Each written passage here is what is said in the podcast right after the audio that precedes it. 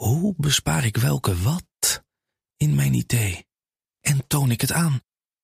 Lenklen, Virtuf Partner.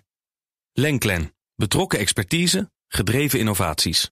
BNR Duurzaam wordt mede mogelijk gemaakt door Perpetual Next. The future is perpetual. Blijf scherp. BNR Nieuwsradio. Duurzaam. Harm Edens. Op de Groene Weg naar 2030 gaan we het vandaag hebben over de klimaatconferentie in Glasgow, die net is gestart en nu al dreigt te mislukken. Over het feit dat driekwart van de Nederlanders zich zorgen maakt om dat klimaat, blijkt uit vandaag gepresenteerd onderzoek. Toch zitten we stil en doen we niks. En over de derde Urban Greenhouse Challenge, die aanstaande woensdag van start gaat. We in deze turbulente klimaatweek met een wolkbreuk in Amsterdam, waar ik middenin reed, en het ABP dat stopt met fossiele beleggingen, even beginnen met iets positiefs. De derde Urban Greenhouse Challenge van Wageningen University and Research gaat deze week van start. Dat is een internationale studentencompetitie over lokale stedelijke voedselproductie, waardoor grote steden hun inwoners duurzaam kunnen voeden. Deze keer is het een Social Impact Edition. De uitdaging is om stadslandbouw te gaan zien als katalysator voor sociale verandering. Hoe kan je armoede, werkloosheid en gebrek aan toegang tot betaalbaar en voedzaam voedsel in de toekomst aanpakken? Ik vind dat een prachtige ontwikkeling. Stop met het oplossen van simplistische deelproblemen via quick fixes en korte termijn geklungel, maar durf groot te kijken. Pas dan kom je in de buurt van een masterplan voor de nieuwe wereld die we samen moeten gaan maken. Hopelijk zitten er in Glasgow ook een paar visionairs met kloten tussen. Ik ben Harm Edens, dit is BNR Duurzaam. En ons groene geweten vandaag heet Martijn Dekker van Perpetual Next. Martijn, fijn dat je er bent. Jij bent mede verantwoordelijk voor het feit dat dit programma in deze vorm bestaat. Waarvoor onze dank. Maar iemand stelde mij laatst de vraag: wat doen die lui eigenlijk? Ja, dankjewel, Harm. Eh, wat wij doen, wij zijn een technologiebedrijf dat de veranderingen die nodig zijn om van fossiel af te komen te ondersteunen. Wij ontwikkelen technologieën die ons toegang geven tot koolstof, het koolstofatoom, wat we nodig hebben wanneer we niet langer fossiele grondstoffen toestaan, maar wel gebruiken in de industrie, bijvoorbeeld in staalproductie, cementproductie.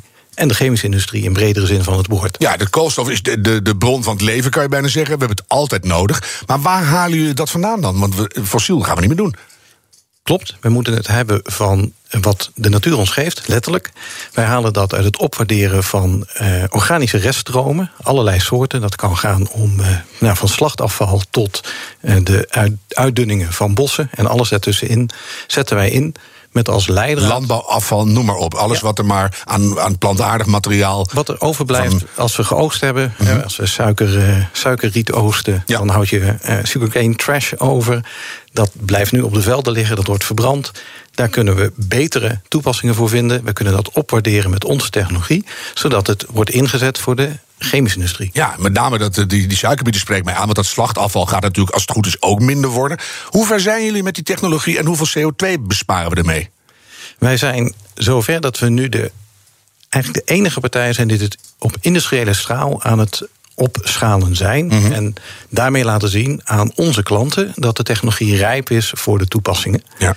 De CO2-uitstoot die je daarmee bespaart, ja, um, ik ben een man van getallen, maar de mega- en gigatonnen die uh, vliegen mij ook om de oren. Maar ja, het is, het, je bent aan het schalen, dus het wordt alsmaar meer. En uiteindelijk is dat heel veel als je geen fossiele energie meer gebruikt, natuurlijk. Ik, ik zou hem zo willen formuleren dat dit de enige weg is om de 75% van onze fossiele footprint die van de industrie komt, daadwerkelijk te gaan vervangen door wat de natuur ons uh, ieder jaar geeft. Ja, we hebben ook een Earth Overshoot Day, gaan we het nu maar niet over hebben. Jij wou deze uitzending beginnen met klimaat, de, de klimaatconferentie in Glasgow. Gisteren begonnen. Ben je een beetje hoopvol? Ja, oh. ja ik, ben, ik ben erg hoopvol. En ik verheug me er ook op om dat straks met uh, jouw hoofdgast uh, te kunnen bespreken. Ja, ja, ja. Um, ik heb daar wel over nagedacht. Ik denk dat we uh, in de fase zitten van, van acceptatie dat we onder ogen zien dat het echt zo is. -hmm. Dus dat begint in te zinken. Hè. Ik geloof dat bijna 70% van de Nederlanders begint het nu ook te zien. Maar op die conferentie zijn landen als Mexico, Brazilië, India en vooral China de, echt de grote afwezigen. En die hebben nog geen goede aangeschrepte klimaatdoelen voor 2030 ingediend bij de Verenigde Naties. Dat is toch zorgwekkend. Klimaatdoelen is één, maar twee is wat doen landen echt. Ik was al in de vroege jaren nul in China. Mhm. En in Shanghai reden alleen maar elektrische scooters. Ja. Wij moesten de elektrische fiets nog gaan ontdekken hier. Maar toen ble- bleef ze wel als een idioot kolencentrales uit de grond stampen. hè. Dus eh, ja. In China hebben ze het grootste net van hogesnelheidstreinen van de wereld. Het, het, het, het heeft altijd twee kanten. ja, dat is ook zo. Maar ben jij hoopvol dat China bij gaat passen? Ze, gaan, ze laten zich nu niet dicteren door een top. Maar Absoluut. Zodra wij laten zien dat de, eh, de winnende technologie is waar niet per se wij als Perpetual aan werken, maar waar het Westen aan werkt, winnend om de klimaatverandering te beteugelen, dan gaan ze daar volop inzetten. BNR Duurzaam. We koersen met ons samenlevingsschip af op een ijsberg... waarbij die van de Titanic niet meer is dan een ijsblokje in een glas cola. Toch gaan we gewoon door waarmee we bezig zijn. We willen nergens een stapje terug doen in zinloze luxe... of onzinnige consumptiedrift... terwijl we weten dat het zo niet verder kan. En dan stap ik dus zo langzamerhand echt niet meer. Ik hoop dat Gerdien de Vries als klimaatpsycholoog... verbonden aan de TU Delft mij hierbij kan helpen. Ze is in onze studio in Den Haag. Gerdien, welkom. Dankjewel. Snap jij mijn verwarring, om het maar eens even heel algemeen in te zetten? Ja, eh, ik snap je verwarring. En die verwarring eh, maakt voor mij ook dit onderzoeksgebied zo interessant. Mhm. Ehm, want het is inderdaad zo dat mensen sommige dingen wel zeggen, maar niet doen. En het is heel interessant om erachter proberen te komen waarom dat zo is. Ja. Da- dat is wat ik doe. En, en eh, duik er meteen maar in, zou ik zeggen. Hoe verklaart de wetenschap dat het voor mensen toch business as usual blijft? Hè? De 1972 rapport van de Club van Rome. We weten sindsdien, het gaat steeds slechter. Er moet iets gebeuren en we gaan gewoon lekker door. Ja, er zijn een heleboel redenen eigenlijk eh, vanuit de psychologie dan ook te, te be- bedenken, of tenminste ook te verklaren om, eh, eh, om, dit, om dit te duiden. En eigenlijk is het zo dat klimaatverandering ehm, een moeilijk iets is voor mensen. Het is een ingewikkeld iets omdat het heeft geen duidelijke oorzaak, het heeft geen duidelijk eindpunt. Het is moeilijk om aan te wijzen wie er verantwoordelijk is, hoe lang het gaat duren. En mensen die kunnen niet zo goed omgaan met die onzekerheid. Dus als je die onzekerheid hebt, dan probeer je daar voor jezelf een soort eh, ja, verhaal van te maken en verklaringen voor te vinden. En dan is het ook heel makkelijk om dingen die dan niet zo leuk zijn, goed te praten voor jezelf. Ja, want dat Dus is dan kun het raar, ja. Dat de meerderheid dan meteen een verhaal maakt om het goed te praten. Je zou ook een horror story kunnen verzinnen. En zeggen, van, "Oh, waar moet ik beginnen nu? Maar dat doen Ja. we meestal niet. Nee, en een horrorstory. eh, we zijn als mens ook wel weer zo gebouwd dat we onszelf daar goed voor kunnen beschermen Ja. automatisch. Ja. Want het is een horrorstory. eh, Kijk, als we met z'n allen nu gaan denken van het einde der tijden komt eraan, dat zal ons ook allemaal lam kunnen slaan. En dan gaan we met z'n allen ook eh, misschien de, de verkeerde dingen doen. Ja. Ehm, dus het is, het is een beetje een. Kijk, ik, ik ben het wel eens ehm, eh, met de gedachte die ik ook net hoorde. Dat we op een, misschien wel op een soort kantelpunt zitten. Er is heel veel aandacht nu voor klimaatverandering. Het Mhm. Komt ook dichterbij en wordt relevanter. Dus daardoor z- begin je ook meer misschien in te zien van. Oh, er is misschien toch wel duidelijk straks iets, straks iets wat ik ga merken. Ja, maar dan, dan, hè, dan is dat zover. Het begint in te zinken. En dan zeggen heel veel mensen toch ook nog. Maar wat ik in mijn eigen persoonlijke geval doe, dat maakt geen verschil. Als ik een warmtepomp aanschaf, dan blijft Tata Steel nog steeds 12 megaton CO2 per jaar uitstoten. Dus eh, ik doe niks. Is dat een Ja. bekend psychologisch afschuifprincipe? Ja, ja, dat is een heel bekend Aha. afschuifprincipe. Het zijn, er zijn zeg maar een, een, een boel eh, vertekeningen, zoals we dat dan noemen, die mensen hebben om, eh, om hiermee om te gaan. En ontkenning is er daar één van. Dat is een hele makkelijke ook. Van, nou, mm, dat, dat was een tijd lang in ieder geval vrij makkelijk. Van, het valt allemaal wel mee. Ja. Maar ook die, die verantwoordelijkheid bij een ander leggen. Van nou, weet je, bij ons, eh, eh, dat maakt niet uit. Inderdaad, als ze in China nog steeds blijven vervuilen. Ja. wat zou het dan uitmaken of ik inderdaad een warmtepomp heb of twee Mhm. minuten korter ga douchen? Ik ben zo blij dat jij er bent. Want wat moet er gebeuren voor het echt tot ons gaat doordringen en dat we in beweging gaan komen? Hoeveel pandemieën en overstromingen in Limburg hebben we nog nodig? Nou ja, ja ik, ik- het is natuurlijk een beetje moeilijk om te zeggen dat we dat nodig hebben. Want dat, dat wens je natuurlijk ook weer niet. Dus je, je, Nou ja, eh, zo maar- langzamerhand denk ik, doe nog maar een rondje. Want misschien eh, gebeurt er dan eens wat, hè? Of gaan Ja, we echt is- wachten tot het te laat is? Nou, het is, het is wel zo dat eh, hoe eh, relevanter het wordt voor mensen en hoe dichterbij het komt, zoals de overstromingen in Limburg bijvoorbeeld, hoe, hoe zichtbaarder eh, en duidelijker het voor jezelf ook wordt. Dus Ja. dat, je- dat je doorgaat hebben dat je iets wil doen en dat je misschien ook wel iets moet doen. Mhm. En ehm, dus dat, dat werkt wel. Dat zagen we inderdaad met, eh, met corona ook. Dat op het moment dat, dat er mensen ziek gaan worden in je omgeving, of dat je zelf ziek wordt, dat je ook meer voelt dat de, dat de druk wat hoger is om wat te doen. Ja. Maar ik denk dat het ook wel echt belangrijk is wat die overheden en de, de, de, de mensen in Glasgow straks met elkaar gaan afspreken. Want alleen je eigen motivatie uh, aanspreken om te veranderen is echt heel moeilijk. Zoals mm-hmm. iedereen weet die ooit zijn gedrag heeft willen veranderen, op welk ja, vlak dan ook. Dat, is, dat is absoluut waar. Maar moeten we er misschien ook anders over gaan praten? Hè? Alleen maar rampspoed en ellende en, en verzuipende ijsberen. Ik heb het ook jaren gedaan, dat werkt niet. En alleen maar vertellen, ja, je moet heel veel geld gaan uitgeven aan een warmtepomp en aan isolatie. Stimuleert ook niet echt. Misschien moeten we veel duidelijker gaan praten over wat het iedereen gaat opleveren. Ja, ja, en ook wat de consequenties zijn als we niks doen. Want ik, ik ben zelf, uh, ik, ben, ik wil hier niet een soort norm neerzetten wat mensen zouden moeten doen. Als we mm -hmm. met z'n allen uh, bedenken dat we niks willen doen, maar dat we wel heel duidelijk weten wat de consequenties zijn, is dat natuurlijk ook een uitkomst. Het, dus, dus het is zo dat uh, ik, ik ben ervoor dat mensen er goed over nadenken en snappen wat de consequenties zijn. En als je weet dat als we niks doen, het ook heel duur gaat worden ja. en dat we nog meer problemen gaan hebben. Ja, dat hebben we allemaal uitgelegd, toch, Gedien? Want we zeggen 1 euro geïnvesteerd in de oude economie kost 3 euro. 1 euro in de nieuwe economie levert 3 euro op. We weten het en we kijken weg.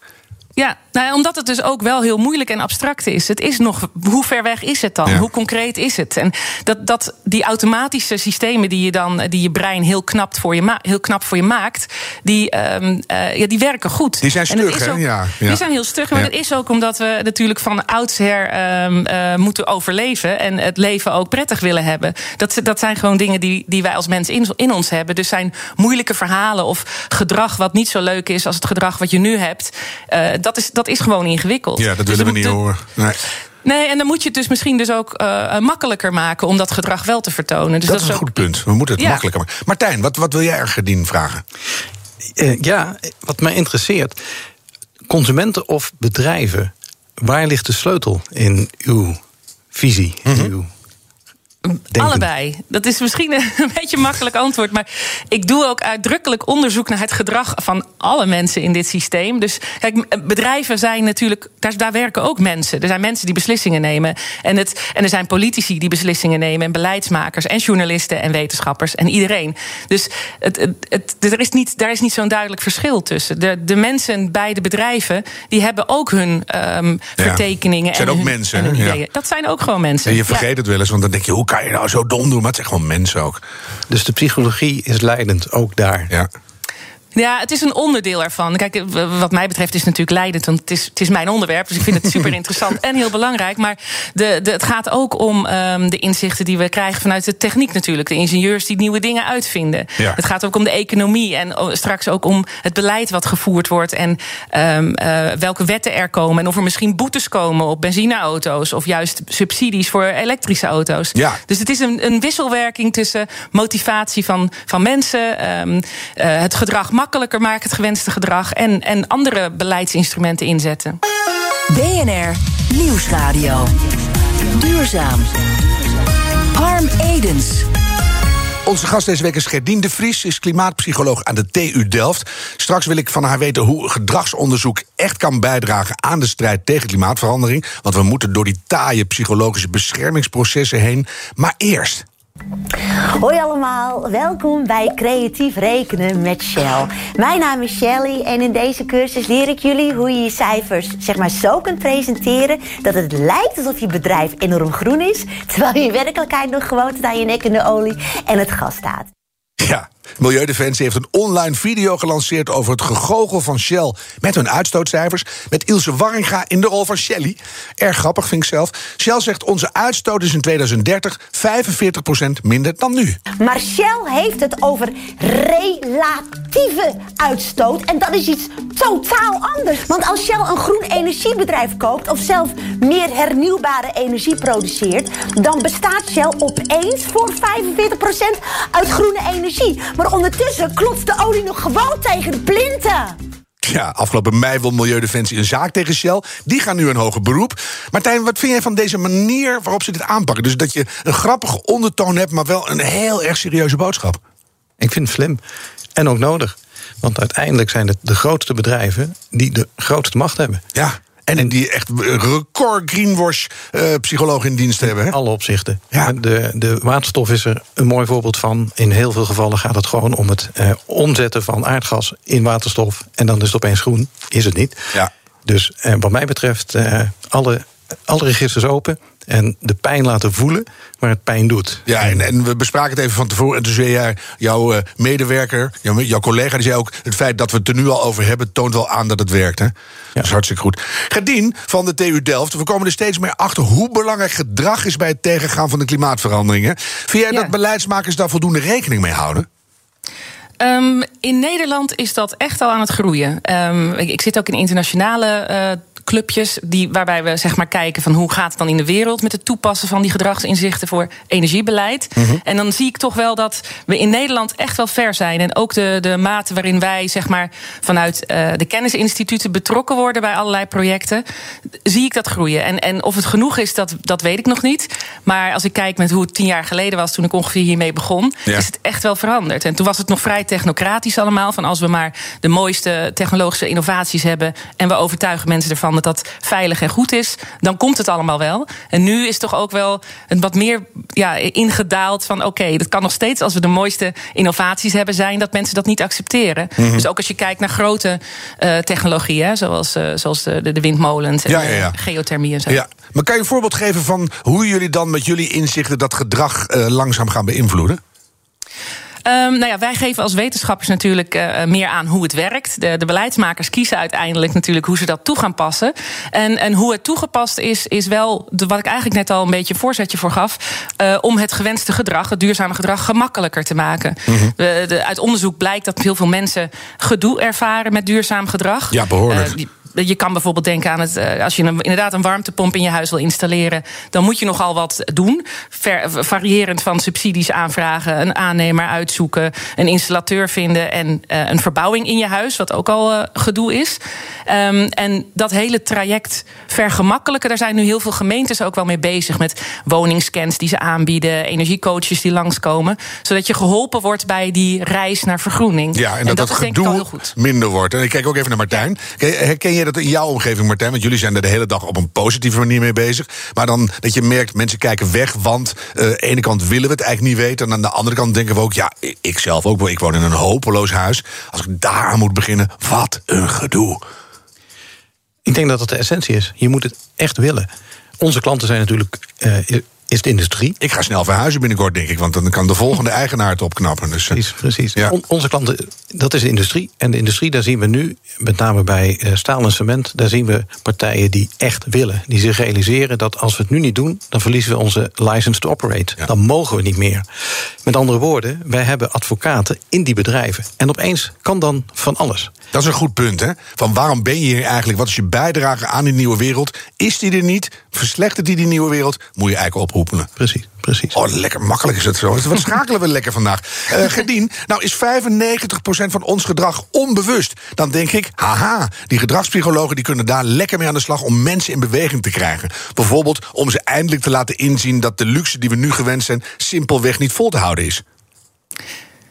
Ja, er wordt, kijk, inderdaad, heel veel van ons gedrag, en of dat precies 95% is, ja, dat hoor je precies vaak. 95%. Ik vraag, altijd, ik vraag me altijd af hoe komen ze daar nee, nou aan. Maar geen idee. Het, het, is inderdaad zo dat een heel groot deel van ons gedrag uh, automatisch is. Mm -hmm. En daar wordt ook wel gebruik van gemaakt. En, en um, uh, zeker als je kijkt naar. Nee, ik, ik heb het voorbeeld wel al vaker genoemd. Maar apparaten met een standaard groene stand zijn bijvoorbeeld van die dingen die jouw gedrag automatisch kunnen helpen. Ja, ja. Dus een eco-stand op je, op je wasmachine of je vaatwasser bijvoorbeeld.